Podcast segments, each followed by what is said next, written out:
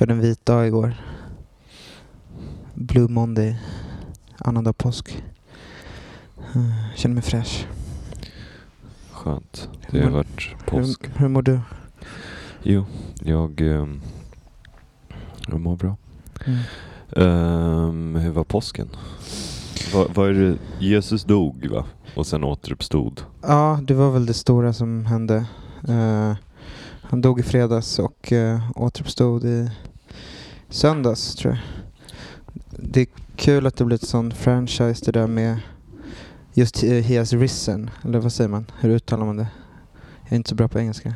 Ja, det, det lät korrekt. Ja, jag såg en så här 50-årig man på Instagram som gör en grej av att han sprayar sin egen tuppkam. Typ.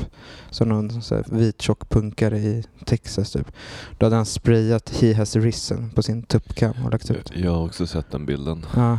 Men det är liksom en Så sån industri. när man, så jobbigt när man inte kan undvika liksom, vissa bilder. så ofrivilligt. vi, Liksom. det jag tycker är ganska fint att vi alla med en smartphone är del av samma kartotek. eller vad ska säga. Eh, Alexandrias bibliotek eller ett av världens sju underverk. Men eh, Mm. man vet ju inte vem som kurerar de bilderna. Det är det som känns lite obehagligt. Just det. Man tänker ju att det var någon så torr person som ingen ville vara kompis med som kurerade Alexandrias bibliotek, liksom, eller Just det. Just det. Nu är det algoritmen. Jag tror inte det. Jag Nej. tror att det är massa Det är- Så här nördar med så här noll kulturellt intresse som sitter i Silicon Valley och, och trycker på eh, grön knapp eller röd knapp. Just det. Just det. Algoritm, det är bara någonting, det är bara någon slags förskjutningskoncept från deras sida så att man inte kan typ beklaga sig på riktigt. Just det. Det vore kul om det kom en ny sån exotifiering eller rasism. Att folk har algoritmen i blodet. Eh, Jag hatar ju när man är inne på Youtube och så Ja. den här kommentaren som är bara Thank you algorithm. ja, men det, är, det, det är kul att be till algoritmen som till en, till en gud. Liksom. Eh, Man saknar ju algoritmens, eh, alltså att det inte finns någon mortalitet där. nej, just det. Det är ju någonting som, eh, säg vad man vill om Jesus, Han att han kunde dö. var ändå någonting. Det, var ju en, det gjorde ju att man kände sig lite, att man hade någonting gemensamt med Guds son. Ja, att det stod någonting på spel. Typ. Men, ja. Ja.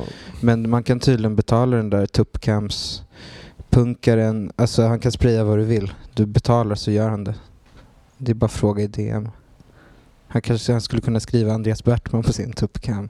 Han fyller 30 snart, jag kanske ska göra det. Så får han en bild, en NFT. Mm. Jag läste någon rubrik på DN. och en ingress. Nej, nu har jag fått en, ett inlogg så nu lä, lusläser jag varenda artikel om kriget. Ja. Jag har kommit fram till att eh, vi måste nog eh, vi måste nog invadera Ryssland. Mm. Men eh, då läste jag någonting att så här, NFTs är jättekorrupt. Ja. Men så såg jag fel, det var NTF. Okej. Vad är det då? jag vet inte. Min hjärna stängde av när jag direkt insåg att det inte hade någonting att göra med min lilla sfär av internet. Just det, du vill Eh, inte kolla upp vad det betyder. vernacular. Nej. Ja. Nej. Men jag kan tänka mig att NFTs är korrupt också. Det är därför det inte kommer funka när Pussy Riot försöker äga Putin med någon sån erotisk NFT.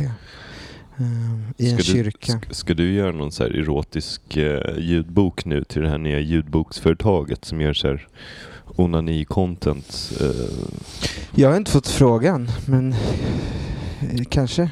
för jag, har, jag, jag kan ge ett scoop här. Mm. Jag håller på att tänka lite. Mm. Eh,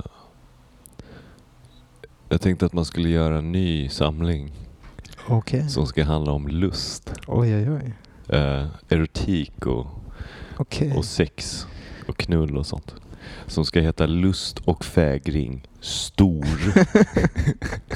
det, är, eh, det är jättebra. och så ska stor vara i så här stora bokstäver Ja. på omslaget. Det är, mm, det är väldigt bra. Eh, hoppas inte ordkonst snor det temat. Men, eh, men, nej. Ja. Men påsken, vad gjorde du för något då? Eh, ja, vi var Vi var hos min morfar i, eh, utanför Vällingby. Eh, jag gick, vet du vad jag gjorde? Jag promenerade med barnvagnen från Ringvägen, där mina föräldrar bor, till eh, Vällingby centrum och sen en halvtimme till. Eh, jag gick så en och en halv mil med barnvagn i sol. För att min dotter vaknade inte. Så jag bara fortsatte gå. Jag hade tänkt så här, när hon vaknar då går jag in på gröna linjen. Eller gick längs motorvägen. Det var fantastiskt faktiskt. Då kände jag så här, det här, det var så här som Jesus när han gick med korset mot korsfästelsen. Liksom. Eller så var liksom Corinne dina Nike-sneakers och du var Forrest Gump. Ja, det också. Uh, Golgata. Uh, men det var nice faktiskt att hon inte vaknade så att jag fick lida lite. Uh, det var toppen. Sen kom vi fram till min morfar. Han hade, eller min bror hade lagat all mat. Men det var så här lammstek och gin och tonic och, och, och, och, och prosecco. Det var nice. Uh, han behöver ju, alltså jag har dåligt samvete, han är ensam nu sen mormor dog. Så man borde, dra, gå, man borde gå en och en halv mil lite oftare. Uh, och det är hemskt att åka tunnelbana dit. Det är emot mina principer. Framförallt tar det så lång tid. Jag vet inte hur lång tid det tar att gå men Nej men det, alltså, man kan ju inte åka tunnelbana till Vällingby. Det är typ så här, pff, 45 stationer från T-centralen. jag vet jag bodde i Vällingby när Ja. jag var barn. Ja men det är ju också hittepåstation man åker förbi. Det var ju så här Islandstorget. Mm, jag vet. Eh, Fast för mig är det väldigt riktigt Brommaplan. Åkeshov. Vem var Åke? Eh, Jag vet inte, har det något med kungens kurva att göra? Jag tror inte det. Eh, eh, mm. Hur var din påsk? Har du firat? Jag, jag köpte ju så här utav någon slags trött frustration av att inte ha gjort någonting påskigt Mm. eftersom jag ändå är kristen. Mm. Eh, Stod jag på centralstationens Coop och köpte på mig matjessill och gravad lax och rödbetssallad och diverse rätter som man äter på hög, Mm. runt högtider. Blev det gott? Eller tycker du om det, det där bordet? Eh, Ja, det tycker jag. ja. Alltså jag är ju mer till övers för själva eh, liksom havets delikatesser. Ja, just det. Mm. eh, än, än, än, än, än prinskorv och sådär. Även om jag kan tycka att det är gott. Så, så man har ju en tendens att föräta sig väldigt snabbt på köttbullar och prinskorv. Medan Mm. matjessill går ju ner som en, en fisk. Ja, det är halt liksom. Det glider ner i, i svalget. Det är svårt Så. att föräta sig på sill. Eh, Fast jag har gjort det också. Det är inte så nice. Dricker du snaps? Nej, vi, vi har ju lite så här. Det är alltid dåligt med alkohol här hemma. Just det, ett medvetet val. Mm. Men nu har vi haft... Nej, vi har ingen snaps. Nej. Det är så jävla äckligt. Det är Ehm, jättegott. Vad snackar du om? Nej, jag, jag, alltså jag, jag klarar inte av att dricka saker som smakar sprit. Men min, morfar har liksom, sen jag fyllde 18, det är 12 år sedan nu, va- varenda jul och påsk och midsommar har han tvingat mig att dricka snaps. Så jag trodde jag skulle lärt mig tycka om det vid det här laget. Men jag har inte lärt mig. Jag tycker väldigt mycket om snaps. Har du någon favorit? Eh, jag gillar akvavit. Det är coolt. Eh, Men eh, jag vet inte om det kanske är en idén jag gillar mer än Mm. vad det är själva spriten. nej, jag fattar. Ja men okej, så påsk. Nu, då har vi Tagit det. tagit... det. Mm. ehm, I Berlin är tydligen påsk en jättestor grej. Just det, där har man tagit E. Nej Ja. men... Det är det. Det ska det, jag. nej, det är helt enormt alltså. De har typ, alla klubbar öppet från typ fredag morgon till tisdag. Okej, så är det så här äggjakt. Ja, jag vet inte. Nej. Men det är tydligt, jag fick det liksom förklarat för mig att nej, men här tar vi påsken. på Men är det också för att det är nice att de har så här schyssta typ arbetsvillkor, att man får så här långledigt på ett nice sätt. Ja, och så, Jag antar eh, det. Ja, firar man det liksom. Ja, Ja. så eh, det, det är värt att berätta. ja. Um, Eh, mina föräldrar sitter på tåg mot Berlin just nu. Eh, eh, de ska vara där på någon sorts romantisk resa. Jag tycker det är härligt när man är 60 år och gör så med sin partner. Liksom. det Det visar ju på att man tar relationen på allvar. Ja, alltså inget ont till alla. Alla har ju föräldrar som har skilt sig och sådär. Men jag tycker, att, jag tycker inte att man ska skilja sig om man väl har gift sig. Jag tycker man ska göra det. Ja. Ja men man kan tycka olika. Men jag är glad att mina föräldrar inte har skilt sig. För jag hade inte respekterat dem lika mycket om de hade gjort det. Jag tror, alltså det är bara min ärliga känsla. Liksom. Uh, men uh, har du något tips, något Berlin-tips till dem? Jag kan ju messa dem. Um, gå.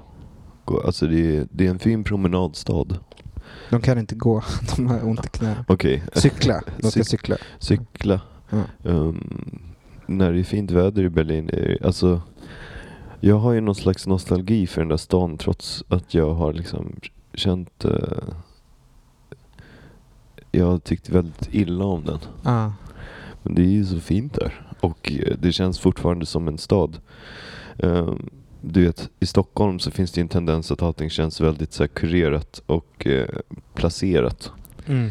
Eh, I Berlin kan man gå runt och så, så finns det en Warhammer-butik på en stor gata liksom, som har funnits där i 25 år. Mm. Ehm, Det är ganska intressant. Medan här i Sverige så är det typ, jag vet inte, det känns som att det finns en QR-kod till en så här butik som säljer sånt. Just det. Och så, så kan man gå in eh, bredvid och köpa någon slags boba tea med en cheesecake i eller någonting. Mm. Med en massa barn. Mm. Vilket kanske är vad, vad man egentligen borde tycka om. Men Berlin känns ju lite som att det finns, eh, det finns tid och plats för eh, lite annat liksom. Mm. Skulle jag aldrig vilja bo där men Nej. eh, ja, jag har inga tips. Jag Nej. vet inte någonting om Berlin egentligen. Nej, men- Käka en- döner. Det Ja, är nej, gott. men herregud. Inte jag, jag har inga tips heller. Eh, jag, har, jag har sällan det. Men jag, jag tycker inte man behöver det om man åker någonstans där man inte bor. Alltså det, det brukar räcka. Och, Kolla på alla de här gamla ryska monumenten. De är ju rätt coola. ja, det väl god tid att göra det nu medan de står kvar. Eh, ja, det är bra tips. Det finns mycket så här eh, enorma eh, statyer med kvinnor, barn och spade och sånt. Just det. Jag, jag, jag, jag, var jag skulle kolla på, på dem någon gång men då var den där parken stängd för de höll på att renovera de där eh, allra mest eh, hammaren och skäran eh, monumenten. Liksom. Jag tycker det är fint att de liksom putsar upp dem och underhåller dem. Liksom. Statyer är ju som eh, bilar, man måste ta hand om dem annars så, så går de i kras. Liksom. Eh, mm, ja, eh, jag, jag ska läsa dikter på Reimersholms hotell på, eh, på torsdag. För att Jonathan Brott eh, tvingar mig. Men då ska jag läsa en dikt som handlar om det här barnet på cigarettpaketet som ser ut som Putin. Eh, jag hoppas att han är, jag hoppas att han är okej just nu. Barnet ja. Det, det där barnet. Mm. Ehm, kul. Vad, vad är, det, är det någon slags läsning då? Ja, jag vet inte riktigt vad det är för något.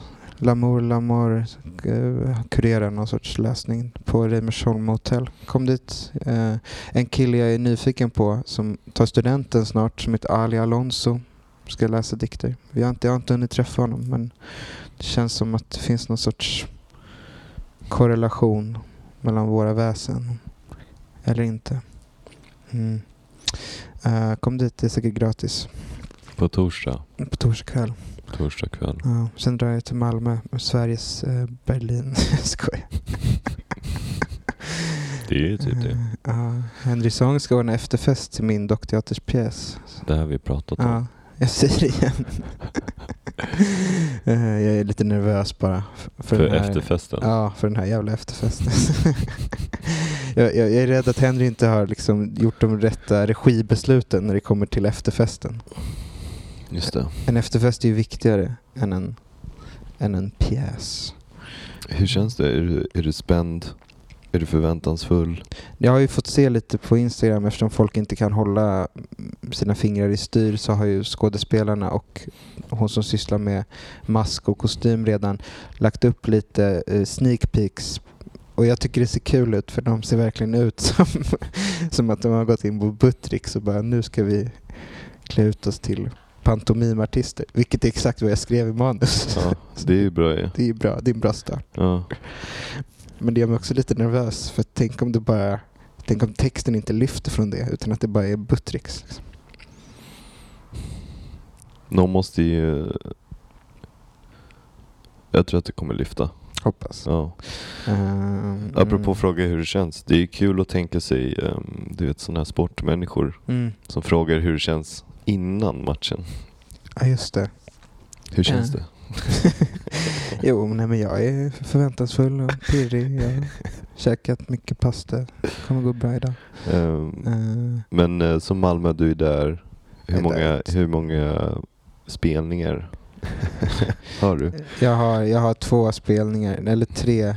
Jag ska ha möte med, med antimannen Kjetil eh, och min andra pjäs. Och sen, Hur är han involverad? han ska ge ut den som bok på Anti med John Lennon och Yoko Ja, Ono okej. pjäs. Jag förstår. Eh, Så jag, alltså du vet när man, åker, när man är småbarnspappa och inte får lämna stan så ofta så måste jag liksom passa på att krama musten ur Malmö så det är väldigt tajt schema.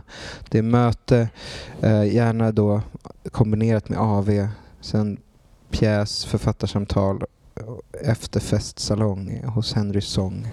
DV, Ja. during work. Så, eh, eh, mm. men skitsamma, det blir bra. Eh, vad ska du, nej men hur känns det? Det var kul, jag såg en pjäs på Dramaten då, då inkorporerade de hur känns det fast de, de ställde frågan som om skådespelaren som var en kulturarbetare var en höjdhoppare typ live i pjäsen. Typ så här, hur känns det nu när ni har dragit den här repliken ur stormen? Låter som Grotesco. Ja, det- men det var, så här, det var ett humorkollektiv. Det Mm. var kul. Jag skrattade. Kul. Ja. Det var grabbigt enligt Caroline Ringskog. Men jag... jag Känns som att hon ofta säger att saker är grabbigt. Ja, Men det, Eh. det, är väl, eh, det är väl när killar gör saker antar jag. ja, det är svårt att komma runt. Det är vårt kors att bära liksom. mm. Det är vårt eh, korsord. Att Mm. lösa. Ja, nej, men eh, vill du berätta något mer om din helg eller var den bara helt eh, meningsfull? Eh, jag vet inte. Nej. Alltså, jag vet inte hur intressant det är. Nej. Jag gjorde sjuka sjuka grejer som inte var påskrelaterade. Eh, jag vet inte. Ja, vi var ju på Fotografiska. Fotografiska! Sjukt att du har en sån knapp på din soundboard. Välkommen till Fotografiska! Eh, det var... det var... Har du varit där på sistone? Jag kommer ihåg för kanske tio år sedan. Då fick, då fick jag en spelning på Fotografiska. Just det, det är typ klubb där. Och det var så sjukt. Ehm, det var så här, allt var stängt. ja. Ehm, liksom hela museet, allting, restaurang, allting. Man behövde liksom betala inträde. eh, som låg på typ 300 spänn för att så här, se mig spela skivor på en bar. Ingen kom ju. Men det är klart. För jag gjorde ju absolut ingen reklam. Jag Nej. ville inte vara där. Jag, vet, jag tror att det var någon slags tjänst till en vän Mm. eh, som typ börjat boka på foto... Ja, jag Mm. vet inte.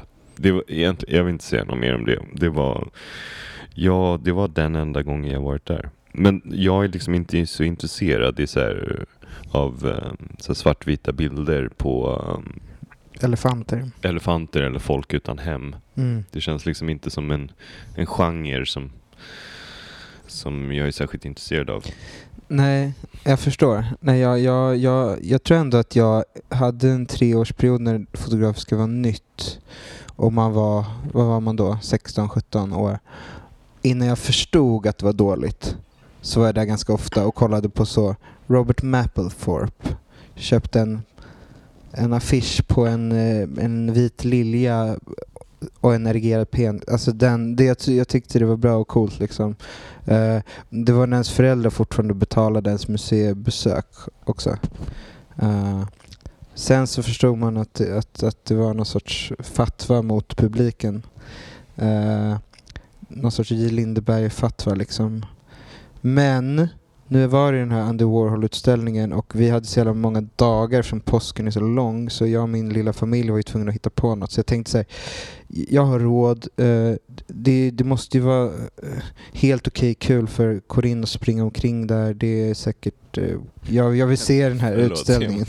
Det är jättekul Ja, att gå på fotografiska för att man har råd. För att man har råd och man behöver så här, barnomsorg, eller förstår du? Man behöver liksom... Eh, eh, så, tänk, så tänkte jag så här, vad, vad, vad ska jag göra idag? Jo, jag ska gå... vad finns det för andra ställen som är så här dyra, onödiga? Ja, ah, skitsamma. Men eh, det var ju då ännu värre än vad jag hade kunnat föreställa mig faktiskt. Eh, alltså man kommer dit. Vi kan ju säga, du var ju på den här Andy Warhol-utställningen. Ja men jag ville ju, annars hade jag inte gått dit. Jag tänkte att det finns säkert någon polaroidbild här som på ett par eh, högklackade skor som jag inte har sett förut. I don't know. Men man kommer ju dit, bara ta sig dit är att slå sig igenom de här horderna av eh, familjer från Finland som jag älskar, som har åkt Finlands båt och eh, är på väg tillbaka. Till deras försvar så ligger ju Fotografiska precis vid eh, eh, båtterminalen. Ja men exakt, det hade varit kul om Fotografiska låg i så, eh, Vällingby och de hade åkt. De hade gått två de hade mil gått två mil för... från Helsingfors över vatten. Ja. Nej men alltså de går ju ofta, de flesta dem går ju inte ens in på Fotografiska, de, de är bara utanför och hänger. Eh, måste slå sig igenom dem, det är mycket kött liksom. Men det, det är nice. Så kommer man dit och så var entrépriset så här, ja men vad, vad, vad ligger det på? Ja men det är 250 spänn per skalle liksom. Gratis då för vår, vår dotter ändå. Eh, då, då tänker man 250, 500 kronor, okej, två vuxna. Eh, Det är som någon slags kulturellt Arlanda Express. Ja, ja men precis. Men man tänker, ja, och så går man ner så här, men då måste det ju finnas någon typ av garderob som man är gratis eller sen stora utrymmen eller så här, vad är det man betalar för? Alltså någon typ av, men det finns typ tre garderobslådor som också kostar pengar. Och annars är det så här obevakad, en, en så här klädhäst där man kan hänga sin jacka obevakat. uh, eh, så då gör vi det. Uh, och sen så tänker vi att den här Underworld-utställningen, den är säkert påkostad och stor, men det är ju en av 40 andra utställningar som pågår i huset samtidigt som de har liksom kramat in på en kvadratmeter yta på, på så två ettor. Uh, och den är så liksom slappt kurerad att jag blir livrädd. Alltså det är verkligen Wikipedia, texter, några foton. Man åker upp i hissen, det var det värsta. Då har de slagit in hissen i så här aluminiumfolie för att det ska ge lite factory-känsla. Så är det kanske så tre heliumballonger i taket som föreställer stjärnor. Och där, hissen var fetast, det var det fetaste. Gud. Hissen upp. Och så obarnvänligt också. Det, det är kanske inte en kritik som, som är så berättigad, men det man kunde fota sig i en fotoautomat eftersom utställningen eh, eh, handlade lite om att hans första bilder var på människor i fotoautomater. Det var ingen så här, det var inget speciellt med den fotoautomaten, det var en helt vanlig fotoautomat. Brillo-fotoautomat. Ja, och så, det kostar 50 spänn. och så stod det så fotografiska på bilden.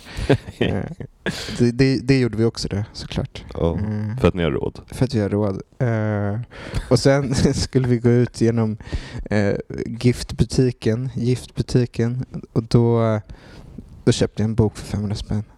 Med bilder från Andy Warhols uh, begravningsservice. Uh, the day the factory died. Så du eh, köpte rätten att åka hiss och köpa en bok? Ja, och, Och ta, ta ett bild. foto. Ja. För tusen spänn gick det på. Herregud. Eh, Då kan man ju ändå gå till Nordiska museet och se vikingar och sånt. ja, eller gå till Arktis nej. och pissa på arkitektur gratis. Tidsmuseet. Nordiska medeltidsmuseet, jag vet inte. Medeltiden känns nordisk och vice versa. Ja, man hör ju Eh. inte så mycket om medeltiden i liksom eh, I. Addis Abeba. Liksom. Nej. Den var säkert mycket fetare. Ja, inte lika kall. Inte lika kall. Uh, nej, och sen så konstant under hela upplevelsen som pågick i så 20 minuter för att det gick inte att vara där. Så, så hade vi också panik uh, och stress. Påslaget var enormt. Uh, mycket tyskar, italienare, fransmän och inte så många finnar då, för de hade ju bättre smak. De gick bara förbi. Så jag rekommenderar inte att gå dit, men om du har råd så bör du ändå göra det. Ja, det är lite... Det är... Uh, ja, det är ju sådär. En uh, tids... En tid. En tidskapsel. Uh, Man måste ju döda sin tid när det är röda dagar. Ja, gud vad tråkigt. Men jag hade liksom kunnat ana att det, det, skulle, att korten som, som las skulle vara så jobbiga att titta på. Om man gick då till den här utställningen. Som, mm. som det har gjorts väldigt mycket reklam för. Ja, nej, jag vet inte. i den här staden. Men det var liksom, vad var USPen? Alltså det är så svårt att se vad, vad, ja. Men det, man ska ju krama ur allt som går att krama ur från, från ett konstnärskap. Det, det är väl så. Uh. Tror, tror, tror du att eh, konstnären i fråga hade uppskattat den här utställningen och uh, utställningsplatsen? Alltså han hade sagt att han hade gjort det enligt sin så ytliga doktrin men jag, jag, tror inte han hade gjort det längst in i hjärtat. Uh, jag såg klart på den där Netflix-dokumentären med honom. Det är så sorgligt på slutet när han dör på grund av problem med sin gallblåsa eh, som han hade efter att han blev skjuten från av Så han blev ju aldrig återhämtad. Liksom. Men då tvingas han så åka till Italien och typ besöka någon vernissage och bara... Han säger att allt är bra. Men man ser ju att, att han tycker att det suger. Liksom. Mm. Well, well. well Dagens well. avsnitt um, är sponsrat av... Um, jag vet inte. Nej. Ingen. Jag är lite seg. Ja. Fan, jag såg en så himla sorglig eh, litterär... Just det, fotografiska. Ja, just det. Fan, du höll på att glömma bort det. Tur att du fick in det. Mm. Uh, det, det var en så sorglig litterär nyhet i New York. Jag läste New York Post. Du vet Paul Auster? Uh, han har länge, i flera år, haft problem med, med sin son som han har från ett tidigare äktenskap. Uh, från sin förra fru, författaren Lydia Davis, så fick han en son som heter Daniel Auster som har varit ja, men, knarkare, liksom, hängt med Michael Alec på 90-talet och lånade pengar av Angel som Michael Alec sen mördade och så vidare. Uh, och det här är Paul Auster och Siri Hustvedt då, som är Paul Austers nya fru. Som, hon har utnyttjat han väldigt mycket i sin autofiktion. Så, skrivit om en författare vars knarkande son är jobbig mot styvmorsan typ. Men i förra veckan så togs hans för, alltså han ska ha injicerat fentanyl och heroin i sitt barn som dog i sin bebis. Så Paul Austers barnbarn alltså. Äh, äh, hittades liksom överdoserad och Daniel Auster är, är, är tagen för det.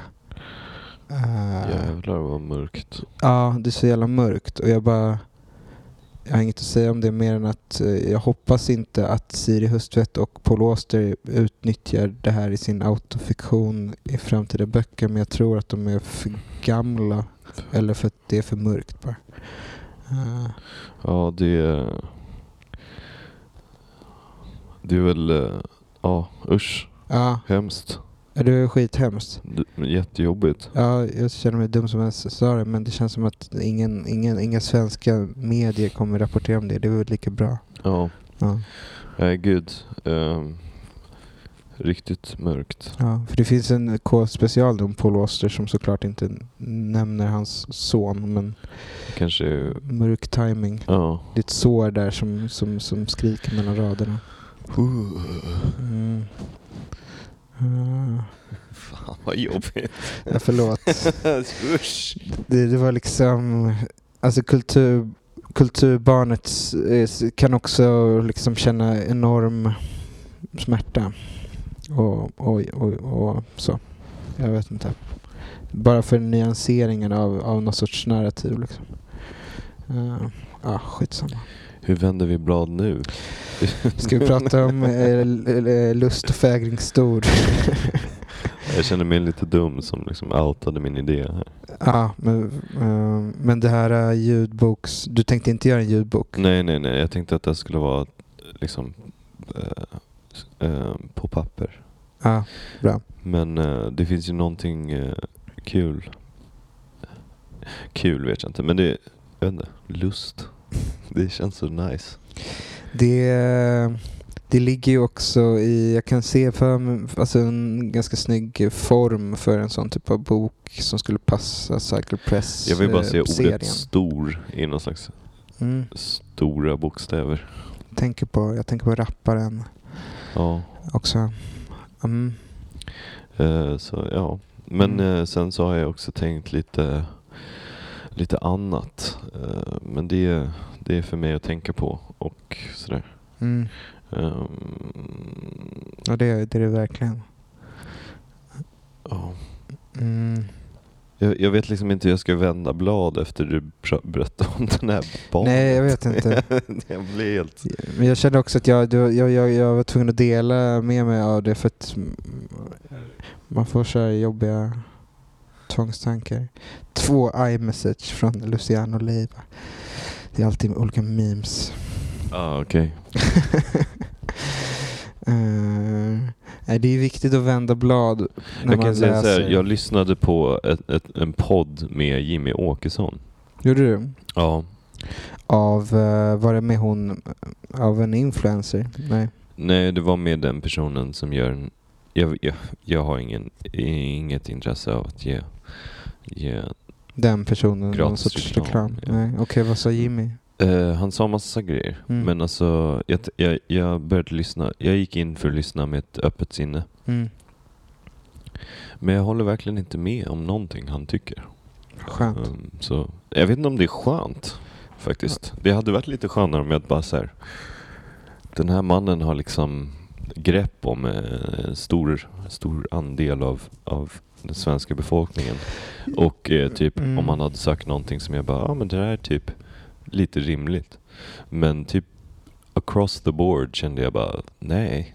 Alltså jag förstår liksom inte var du kommer ifrån och hur du resonerar kring problem och vad du ser, eh, hur, hur din eh, framgångssaga i ditt huvud, mm. hur du ska uppnå den. Jag, jag tyckte att det var, jag blev Va, va, det fanns liksom ingen eh, obskyr politisk fråga där du kände att eh, här kan vi ändå Mötas. skaka hand? Alltså, för jag tror att det generellt är rätt viktigt att typ så här, sluta jag vet inte, det här kanske är grovt att säga, men jag mm. tror att vi måste börja se eh, organisera oss ah. över olika partilinjer ah.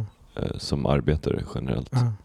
för att uppnå verklig förändring tyvärr så kände jag bara att den här killen håller på med någon slags uh, han har ju gått in i den nylibbade liksom, kultursfären och liksom mm. jobbar med, med kulturkriget uh, och inte typ så mycket faktisk politik. Mm. Och det, det var ju kanske exakt vad jag hade förväntat mig. Men jag, jag, jag kände så här, gud, hur ska jag, jag kan inte alls, jag håller inte alls med dig om någonting.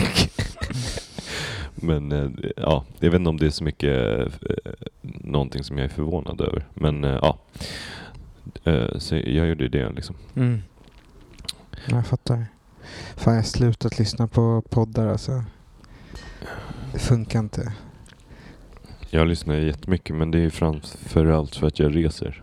Ja. Och då blir det någon, då blir det ett sätt att liksom lå, äh, låta tiden gå tysta dina inre röster? Nej, de här fyra barnen som så skrek. alltså det var helt sjukt. Vi var på ett flygplan där det var så här. Um, ja, men typ fyra barn i olika åldrar som alla skrek och grät på samma gång. Men du har alltid väldigt otur med dina flighter känns det som. Ja, alltså Någon det är kanske bara jag, jag är väldigt uppmärksam på att bli irriterad. Eller liksom att jag, jag, jag, jag räds inte från de känslorna kanske. Nej just det, jag, jag lägger locket på. Men, men eh, har du mycket inre röster annars? Nej, det, det, det ekar rätt tomt i Okej. skallen på mig. Jag är inte en sån som går runt med någon slags Larry David inre monolog. Nej. Fan, det, jag och Melissa började kolla om för att, för att Corinne vill gärna se så barn på tv som gör grejer och det är väldigt tråkigt för mig och Melissa att kolla på barn eh, som gör grejer. Ja. Alltså, även om det är otecknade barn. Eh, det är, för, vad kan de göra liksom? Eh, inte så mycket. Men så tänkte vi, kommer att märka om vi kollar på så tonåringar som gör grejer, eller var går gränsen? Just det. Euphoria. Ja, men den, vi satte på Sveriges eh, version av Euphoria, eh, serien Eva och Adam. Och de är ju så mellan barn och tonåring. De går ju typ i sexan kanske. För det är fortfarande skoldisco, dricka läsk, äta chips. Men Eh, också liksom Också, få stånd. Och också få stånd. Eh, köra ryska posten hade inte funkat idag. Eh, men det, det funkar. Hon kunde kolla på det ett tag. Vi, let, ja. Ja. Vi letade efter Bert, den sista oskulden. Fanns inte att streama. Men Eva och Adam. Och det är ju lite som en föregångare till Euphoria. eh, Kan man ju säga. De har ju olika missbruksproblem liksom, problem också, de här barnen. De spelar gitarr. Bland annat. Just det. Eh, Åka skateboard. och så här problematiska relationer med, eh, med eh, toxisk eh, maskulina storebröder och så vidare. Det är kul att han Jerka Johansson är med där och sen typ bara har varit samma, samma person, någon sorts Benjamin Button-figur. Spelat samma roll i 40 års tid. Men jag kan rekommendera att se om Eva och Adam alltså. Ehm, jag gillar ju soundtracket. Jag tycker det är svinbra. Mm. Stefan Sundström. Ja, han är otroligt karismatisk. Mm. Jag, är, jag är typ, alltså jag märker när jag ser honom där att jag var kär i honom när jag var barn. ja, det kan jag förstå ändå. Alltså fortfarande det, men han är inte lika sexig som en sån Göran Greider växthus, stövlar, Petson-gubbe som han var när han var liksom eh, Farstas Mick Jagger. Ja, Eh, han hade en sån här period, han, eh, det var också töntigt när han hade skinnjacka, men han hade en period sent 90-tal, typ när han är med Eva Adam, när han har gått över till att bära kavajer, fast de är typ lite slitna. ja. Och så har han jeans. Ja, det är jävligt snyggt alltså. ja han är ju han är ju väldigt bra på att göra musik också. Jag älskar honom. Apropå det här med barn och sånt. Så Ja. Jag såg någon här Reddit-post. Jag laddade ner den appen på min telefon. Reddit? Ja, av någon anledning. Och jag kan liksom inte förstå riktigt hur eh, människor tänker kring eh, världen. Nej. Eh, det är väldigt mycket så här försvara så här, tecknad pornografi på grund av olika moraliska anledningar. Och, Mm. och, och sen så mycket så här folk som håller med om det resonemanget så där, vilket är, är fine. Är Och så- Reddit lite flashback för... Normis. Okej. Det är lite så här, äh, det, det är typ äh, det är typ folk som bara så här, vi utnyttjar och använder internet på ett sätt som så här, de flesta inte gör. Men vi har också ett samvete. Typ. Okej. Ehm, jag såg någon så här post där det var en så här, äh, ett mem där det var så här Just det, jag åker ner för rutschkanan för min kusins skull. Inte för att jag är vuxen och gillar att åka rutschkana, typ. Okej. och då var, det, då var det massa som bara så höll med om den här memen. Och då kom jag ju på en av de sakerna som jag tycker jag har väldigt svårt för. Det är så vuxna människor som så röker lite weed och sen så vill eh, leka på så, här, Ah. eh, le, äh, så här lekplatser på kvällen. Just det. Typ så här hoppa hoppborg Ja. när de är så här det. 32. Just Typ. Det är så vidrigt. Ja, men det är nästan misstänksamt att typ vilja spela basket. Ja. Men det är ändå okej. på det är en sport. Liksom. Det är en sport, men att börja vilja liksom snurra på svampen i Skånegläntan. Känner mig träffad. I flera år firade vi midsommar eh, i, i Bromma och då var det alltid så när man hade dryck, druckit snaps så var det Ja. bara nu, nu går vi alla och kör burken. Nej gud, usch. Fulla. Det, det är så snuskigt. Det finns någonting så himla vidrigt med det där. tycker jag. Jag vet inte. Ja, Det det är, är ju någon typ av eh, regression i alla fall. Mm. Ja, men att det också är så här... ehm, att man helt... För när man går in i den... eh, när man gemensamt... Eller snarare kollektivt går in på en lekplats. Man är liksom över en viss ålder. Mm. Då måste man ju acceptera att så här, helt plötsligt måste vi behandla varandra som barn. För man kan inte Mm. vara på en lekplats och liksom vara Benjamin Button när han föddes. Nej, nej. du? Och går, Alltså man, mentalt. Ja, Man och måste- går man in i ett gäng vuxna då måste ju alla precis eh, vara, Acceptera den premissen. lekens premiss. Ja. eh, För då ska man leken tåla liksom, för annars faller ju allt. Precis. Annars blir kejsaren naken. Ja. Och för mig är det, jag vet inte, det finns någonting så, så sj- sjukt äckligt med att helt plötsligt ska vi vara så här barn igen. Jag vet, eller är det bara jag som är typ överkänslig? Nej, jag vet inte, men det, det, det, det är väl någon sorts masspsykos där kanske. Speciellt när det är typ... Jag tycker det är mer sympatiskt om man ser så en farfar leka då med sitt barnbarn. Eh, men att se Ja, men ju- grupper av 30-åringar. Precis, då finns det ju ett barn involverat. Ja, då då ju- leker man ju för ja. barnets skull på något sätt. Fan vad det är tråkigt att leka med barn. Alltså, ja, alltså det är ingenting man ser fram emot. nej, alltså det är det tristaste med att ha barn, att man måste leka med henne. Och då är jag ändå rätt bra på att leka med barn.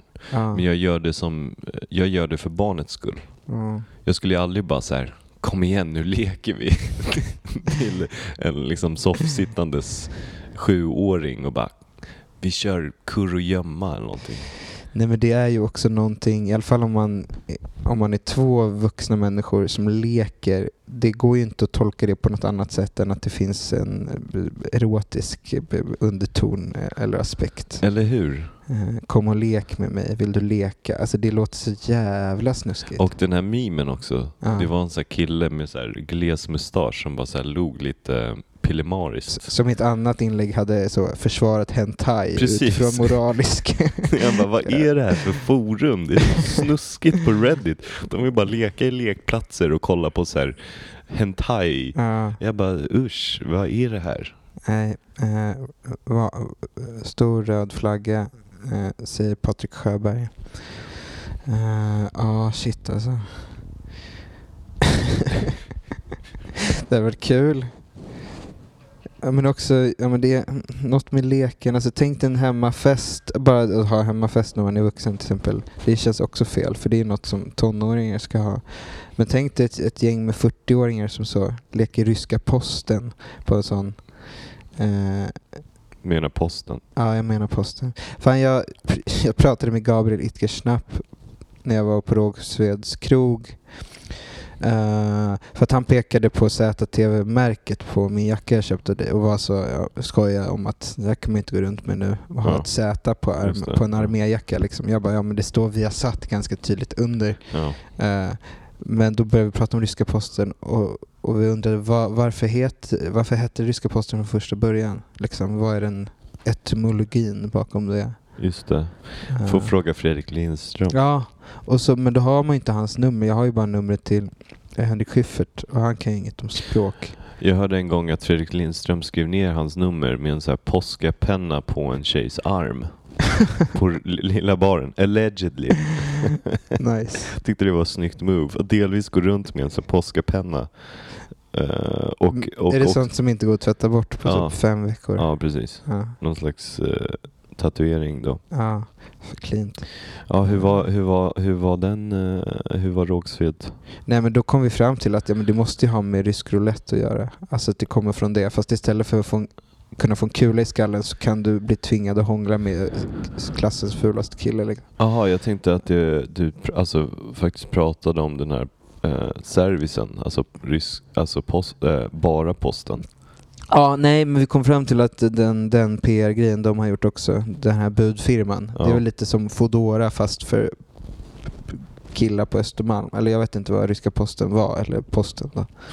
Bara posten. Bara posten. Eh, det var väl, det är väl så olika PR-byråer som använder För att skicka, för att skicka bud. fax mellan varandra. Eller? Ja men så här blombud och, och Just det. jeans.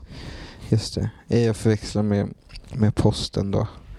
Som inte finns längre. Ja, och, och Eller boken av boken Ludvig. går inte att få tag på. Eh, Jag köpte ett ex på Myrorna i Liljeholmen som, som var signerat väldigt fint av Ludvig till personerna som hade ordnat hans releasefest. De gav bort den direkt. Uh, pärlor åt svin. Uh, fan, jag är reklamfolk alltså. De är spännande.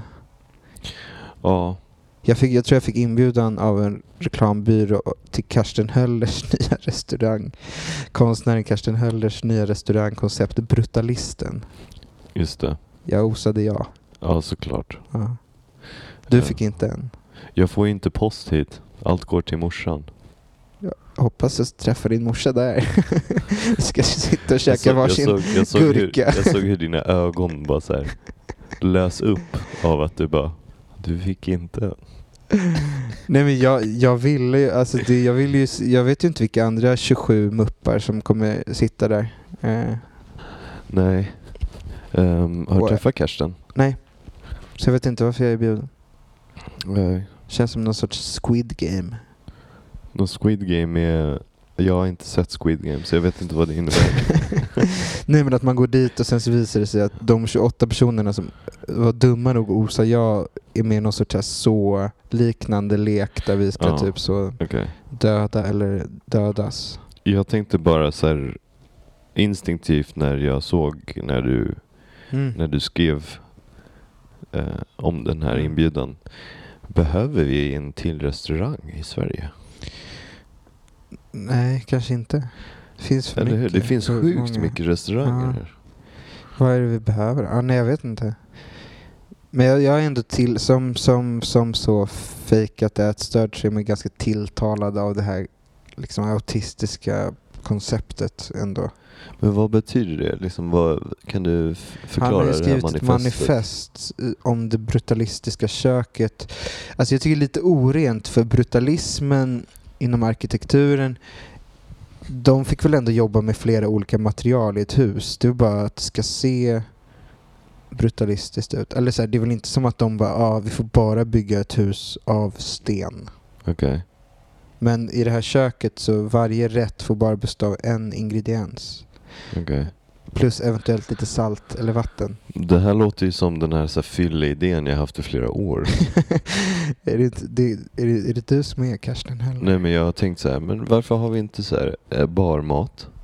Ja, Man serverar typ så här dyra viner som man kan lura på folk. ja, Och sen så typ så här kollar man vad som är i säsong. Så bara, ah, färsk potatis. Då köper man jättemycket färsk potatis för Mm. ingenting. ja, Och så serverar man bara färsk potatis med smör och salt. ja, Och folk skulle ju älska det. Folk skulle ju fucking bli fulla på typ så här brutal vin och bara käka Ja, visst. potatis med smör. Och man skulle tjäna så mycket pengar. Ja. Eh, ja, men det är väl någon sorts fine dining-variant av det där då, antar jag. Jaha, du menar på att min idé inte skulle vara fine dining? Eh, Jag tyckte det lät så. Men det, sen jag, kan jag inte heller någonting om vin Eller eller färsk potatis. Ja, men okej. Eh. då- vi, vi inväntar någon slags recension. Jag kan ju recensera det här då om två veckor kanske. Jag ska varit kolla där. med morsan om jag har fått någon jävla Ja, ja, men inbjudan gör det. här. Eh, För jag har ju ändå, jag har ändå varit på middag med Karsten Höller. Du har Eh, säkert fått den. Eh, men det ska bli spännande att se vad, vad tror du att det är för ingredienser de kommer Det jobba är väl med så här då? kålrabbi och broccolini och kål och, och jag tror att det är mycket kål. Kål. Och så tror jag att det är morot och kanske, Ja. du vet, makrill. ja, men det blir kul. Ja. Fan, ja. då, då kommer man ju inte få blanda dryck heller. Jag som alltid måste ha lite Sprite i mitt vita vin. Jag kommer vara tvungen att dricka vitt. Rent vin. Mm, nej men jag, jag gillar inte arkitektur så att jag fick ju lite jobbig, jobbiga vibbar när jag blev inbjuden först. Men sen när jag såg att det var mat det handlade om så blev jag gladare. Eh, ja, mm, spännande. ganska. Ehm, jag var ju ehm, på Berlins nya flygplats. Mm, Den är helt ny. Den är det. Ja, den är så jävla... Det känns som att det var på en ny flygplats. Och man undrar ju lite så här, Tegel var, hade ju sin charm där, Ja. tycker jag. Vad, vad gör de med den nu? Jag vet inte, men, men är det som med Ullevi att så här, gamla Ullevi, alltså man, de har fuckat upp med namnen så nya Ullevi är gamla Ullevi och gamla Ullevi är nya Ullevi. Eh, det är någon sorts gordisk knö. Jag vet inte varför det är så. Men är det så med den här också? Nej, den här heter Brandenburg. Och är ny? Ja. Fan vad nice. Nej, jag, jag, jag vet inte vad de gjort med tegel. Vad heter den där sköna som man kan vindsurfa på? Tempelhof. Tempelhof. Gamla nazist... eh, Älskar, Platsen. älskar, älskar Tempelhof. Sprang mycket där. När jag sommaren då jag hade upptäckt Red Scare sprang jag på Tempelhof och lyssnade på Red? Scare.